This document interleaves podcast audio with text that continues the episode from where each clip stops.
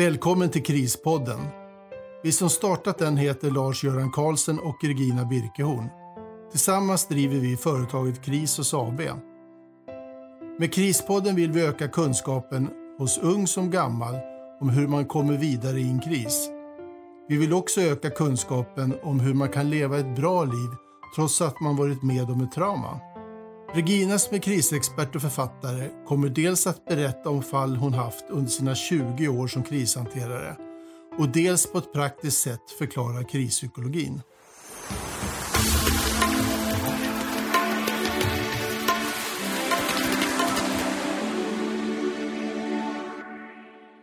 Psykisk ohälsa är på väg att bli ett av de största samhällsproblemen i vår tid. Och för att komma till rätta med psykisk ohälsa behöver man utbilda människor i begreppet.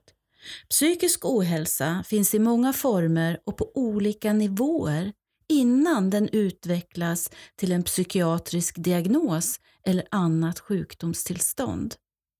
När jag föreläser och utbildar människor i krishantering använder jag en pedagogisk metod som heter Hedon-metoden. Det är en patenterad utbildningsmetod för att kunna förstå krispsykologin. Den kräver inga förkunskaper, bara ett eget intresse av att vilja lära sig mer om sig själv. Utbildning är det enda som förändrar och vidmakthåller förändringarna genom åren. Psykisk ohälsa beror ofta på att en individ bär på sig mer än en eller flera oprocessade kriser. Genom att förstå krispsykologin kan man mycket lättare hantera sina egna och andras kriser och därmed förebygga att kriser utvecklas till psykisk ohälsa. Under alla mina år som krisexpert, utbildare och författare har jag sett och mött fantastiska människor som efter några få individuella utbildningssamtal har gått vidare från den där dödslängtan till ett hoppfullhet om livet. De har fått en ny vision om vad de kan göra för att komma till rätta med sitt liv. Med nya val, nya möjligheter och ny riktning på vad livet ska innehålla väljer de själva en väg som inte skälper dem i framtiden. Den här podden riktar sig till alla människor eftersom stora som små kriser är en del av livet. Extra stor nytta av head-on-metoden har de som i sin profession möter människor i kris.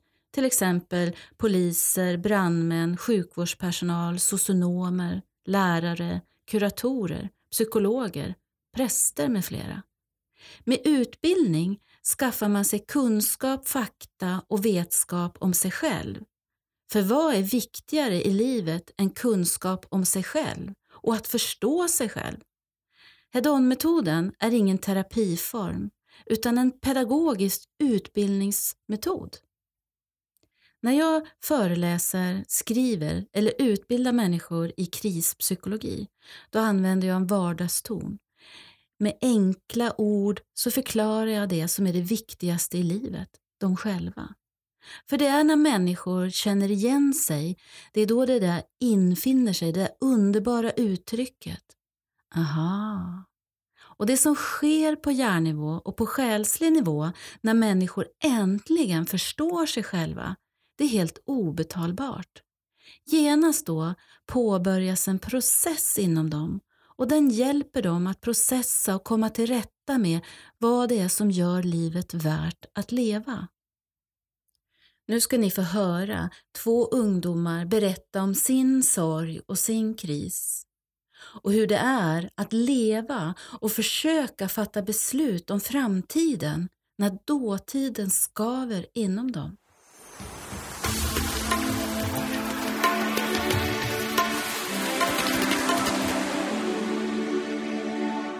En ung kille sitter i samtal hos mig och han berättar. När jag var 13 år, då dog min syrra. Hemma var det kaos. Jag minns bara att jag höll mig undan från alla vuxna. Alla var tokiga, vilket i och för sig gjorde det väldigt lätt att hålla sig undan, för ingen hade tid med en. Allra värst var tiden innan vi fick reda på vad som hade hänt. Ingen kunde svara på om det var en olycka eller självmord.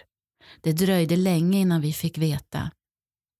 Hans röst harklar sig flera gånger. Vad hände med dig då? Vem såg dig? Jag tittar på honom och anar att smärtan och sorgen fortfarande håller ett hårt grepp om honom. Ingen. Grannar, släkt, kompisar till syrran dök upp där hemma men ingen av dem såg mig eller min lillebror. Efter begravningen försökte jag bara vara snäll eftersom morsan hon grät nästan jämt och farsan han jobbade bara över.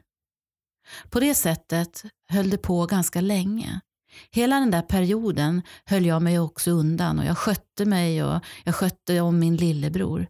Den första julen minns jag inte ens. Jag har ett svagt minne ändå att vi inte fick några julklappar av morsan och farsan.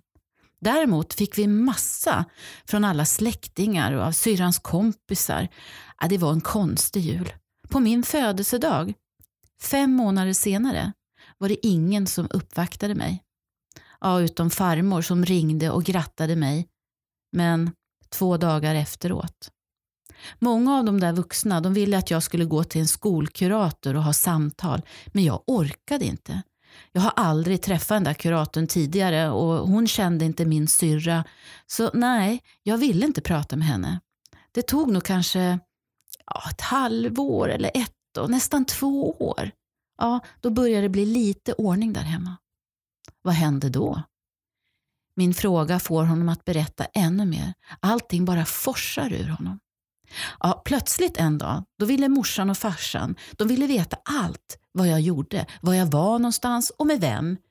Jag fick en mobil och så fick jag 500 spänn på ett kontantkort. Då plötsligt så ville de veta jämt och de ville alltid kunna nå mig. Jag tänkte att de var nog inte riktigt kloka i huvudet men visst, det var ju häftigt att få en egen mobil och en massa stålar. Men anledningen till att jag fick den där, det var inte lika häftigt. Och om jag någon gång kom hem sent, då grät morsan och var helt hysterisk. Hon trodde att det hade hänt mig någonting. Min barndom fick ett konstigt slut och min ungdom hann inte ens påbörja eftersom morsan behandlade mig som om jag var tre år och inte hade koll på någonting. Idag, när jag har blivit äldre än stora syrran, känns det ännu värre. Hur går det här ihop? Plötsligt är lillebror större och äldre än stora syster. Förr var det skönt att gå till skolan och slippa vara hemma. Nu känns det bara svårt och allt är jobbigt. Jag sover inte lika bra som förut, vilket gör att jag har svårt att fatta vad jag läser. Jag funderar faktiskt på att hoppa av skolan eftersom jag inte orkar med allting. Jag lyssnar och berättar för honom om hur krisprocessen och hur hjärnan reagerar i kris och vad som händer när en familj hamnar där och när det är fler som ska sörja samma person. Men alla gör det på sitt sätt. Jaha, men då känner jag alltså inte fel, utbrast han plötsligt, lite oroligt. Nej, hur kan det ens vara möjligt? Jag skrattar och kan se att hela hans kropp lyfts liksom upp. Jag trodde det var fel på mig eftersom allting blev annorlunda och jag inte direkt eh, saknade min syster. Jag saknade mer mitt liv som jag hade innan det där hände, säger han lite ursäktande. Min lillebror och jag känns mer tajta och han kommer ju knappt ihåg sin stora syster. Nej, och det blir du som får berätta en mer nyanserad bild av vem hans syster var, förklarar jag. Jag gissar att dina föräldrar pratar om henne som att hon vore en ängel. Ett barn som aldrig hittade på bus och tokiga saker eller som gjorde allting i skolan perfekt. ja, precis så där är det. Hur visste du det? Han sken upp och hans skratt var nu helt utan smärta. Föräldrar i sorg blir såna, svarar jag. Det är normalt. Gissar att du har varit lite pappa och mamma till din lillebror. Ja, så har det verkligen varit. Ibland har det känts konstigt. Men det har också fått mig att växa som person. Men när jag var 13 år, då var inte det här kul. Nu när jag är 17, då kan jag ju se att, att det är ganska lite kul att ha en lillebror som ser upp till en som en superhjälte. Hur mår han då? frågade jag. Han är mer inåtvänd än andra grabbar i hans ålder. Men han och jag snackar och har kul tillsammans, även om det skiljer sju år mellan oss. Vet du vad? Du kan rita hjärnan och förklara krisprocessen för honom. Bara det att han får mer kunskap och fakta så kommer det bli lugnare i kroppen och i hans hjärna. Nu när du vet vad du ska göra när det kliar i benen eller det känns svårt att koncentrera sig i skolan. Det här gäller ju även din lillebror, säger jag innan vi avslutar samtalet. Efter vårt första möte träffas vi ytterligare några gånger och under tiden så ser jag en enorm skillnad på hans sätt att gå, att röra sig och hans vilja till att förstå. Allt det här det gör att även hans livsglädje och förhoppningar om att hans framtid och liv inte kommer att vara tyngt och fullt av sorg.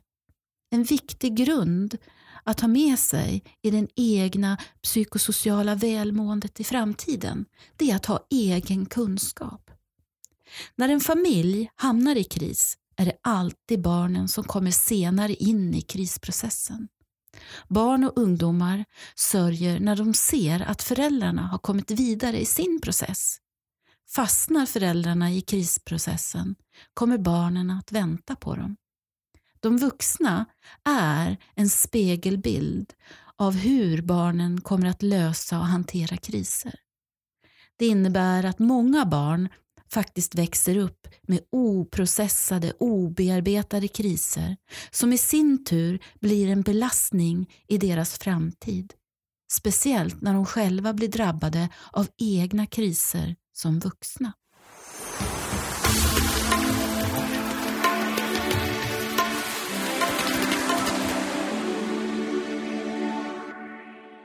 Jag befinner mig på kontoret som ligger i norra Uppland.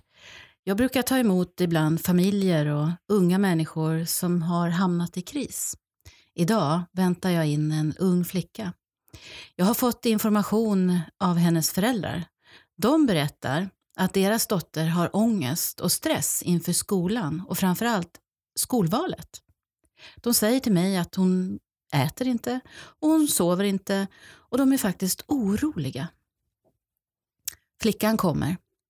Hon sätter sig ner framför mig och hon eh, ser blek och glåmig ut. Hon har dessutom blämmor i ansiktet och ihopsjunkna axlar. Hennes ögon är fyllda av sorg. Hon är en A-student. Har betyg i alla ämnen. Hon har bra betyg. Men inte i idrott.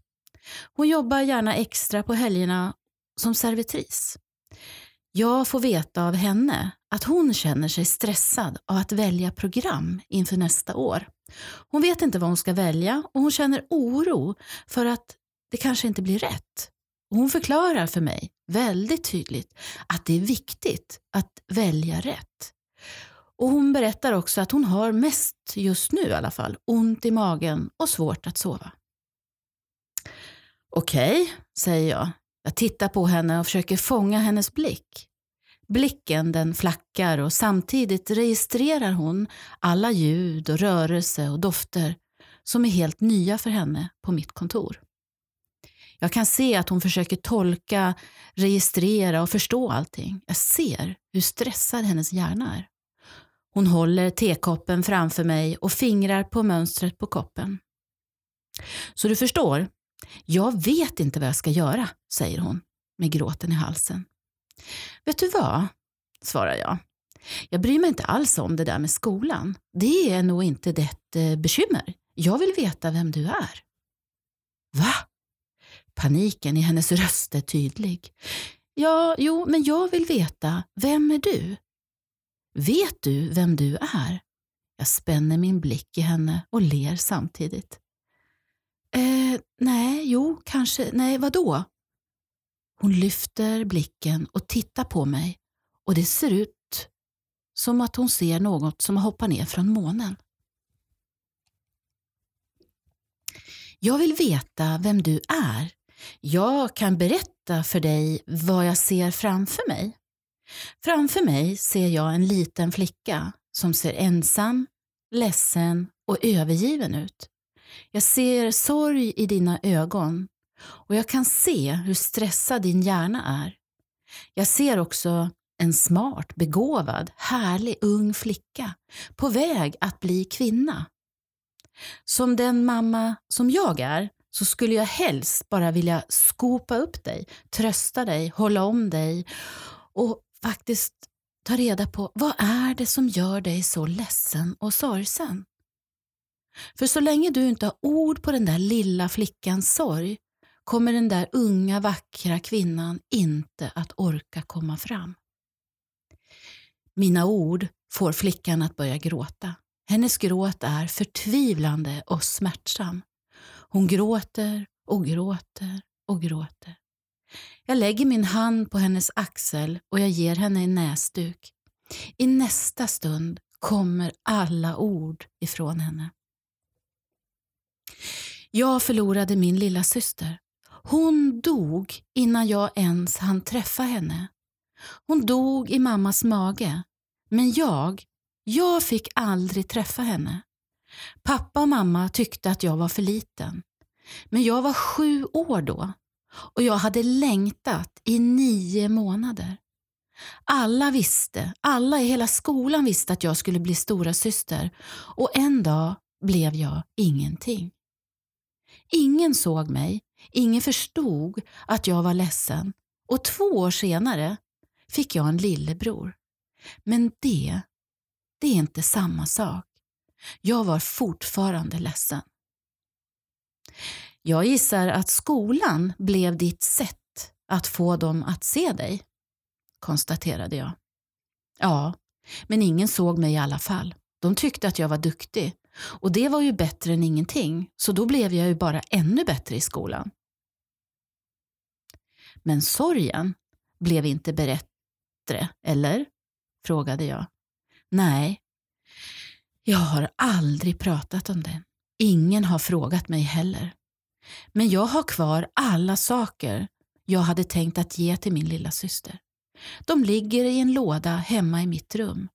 Varje år har jag köpt henne en liten sak och lagt i den där lådan. Hon skulle faktiskt ha blivit åtta år i år. Hennes blick ser nu klarare ut. Sorgen syns där fortfarande, men den kommer i vågor, ibland stillsamt och rätt vad det är som en tsunami. Jag ser hur kroppen börjar bli mer avspänd och hur musklerna i hennes ansikte slappnas av emellanåt. Under sorgen ligger den där unga vackra kvinnan och väntar på sin tid. Du ska veta att vuxna de tror oftast att de skyddar sina barn från sorgen och smärtan om barn inte behöver delta. Men det är faktiskt precis tvärtom. Barn behöver delta, förklarar jag. Föräldrar behöver visa hur man processar, hur man sörjer. Annars kommer en lillebror inte bli rolig att få. Ibland kan det till och med bli svårt att ta in någon ny i sitt hjärta. För när man är rädd att även den här personen ska dö ifrån en, då orkar man inte famna om någon. Ja, precis, precis, precis så där är det, konstaterar hon. Jag tycker om min lillebror, men jag vet att jag borde göra det på ett annat och mera rätt sätt. Men jag orkar inte. Jag vågar inte. Ja, men det är normalt, säger jag lugnande. Du är normal. Det är så här vi fungerar. Under tiden hjärnan väntar på att förstå kommer problemet att snurra i huvudet tills vi greppar det. Då brukar inte mat eller egen näring vara så intressant eller noga heller. Jaha, det kanske är därför jag inte äter som jag borde, säger hon lite frågande. Ja, kroppen har sina behov och hjärnan har sina. När man inte vet vad som är vad, då är det lätt att ta bort saker. Hjärnan vill ju ta bort det där jobbiga, men kan då inte hålla koll på alla andra signaler som mättnad och hunger. Då blir det enkelt att ta bort maten. Men sorgen, den går i alla fall inte bort, även om du väljer bort maten. För maten, den behöver kroppen för att fungera, även hjärnan. Men hjärnan behöver få ord på sorgen. Jag tar fram ett papper och så ritar jag upp och jag berättar för henne hur krisprocessen ser ut. Så där så att hon kan förstå vad är det som händer och hur kan jag göra för att komma vidare. Den här flickan kom till mig för flera samtal och hennes föräldrar var med vid ett tillfälle. Och de behövde också få kunskap om hur krisprocessen och sorgen påverkar oss. Deras önskan om att skydda sin dotter från en förälders värsta mardröm, det förstod de nu hade lämnat spår i deras dotters vardag under många, många år. Insikten och förståelsen om hur deras val påverkat hela deras familj blev också en början på en familj där alla familjemedlemmar fick sin rättmätiga plats. Skolvalet blev aldrig vårt samtal. Mår man bra vet man vad man vill. Det svåra det är att välja när man inte vet vem som väljer åt en.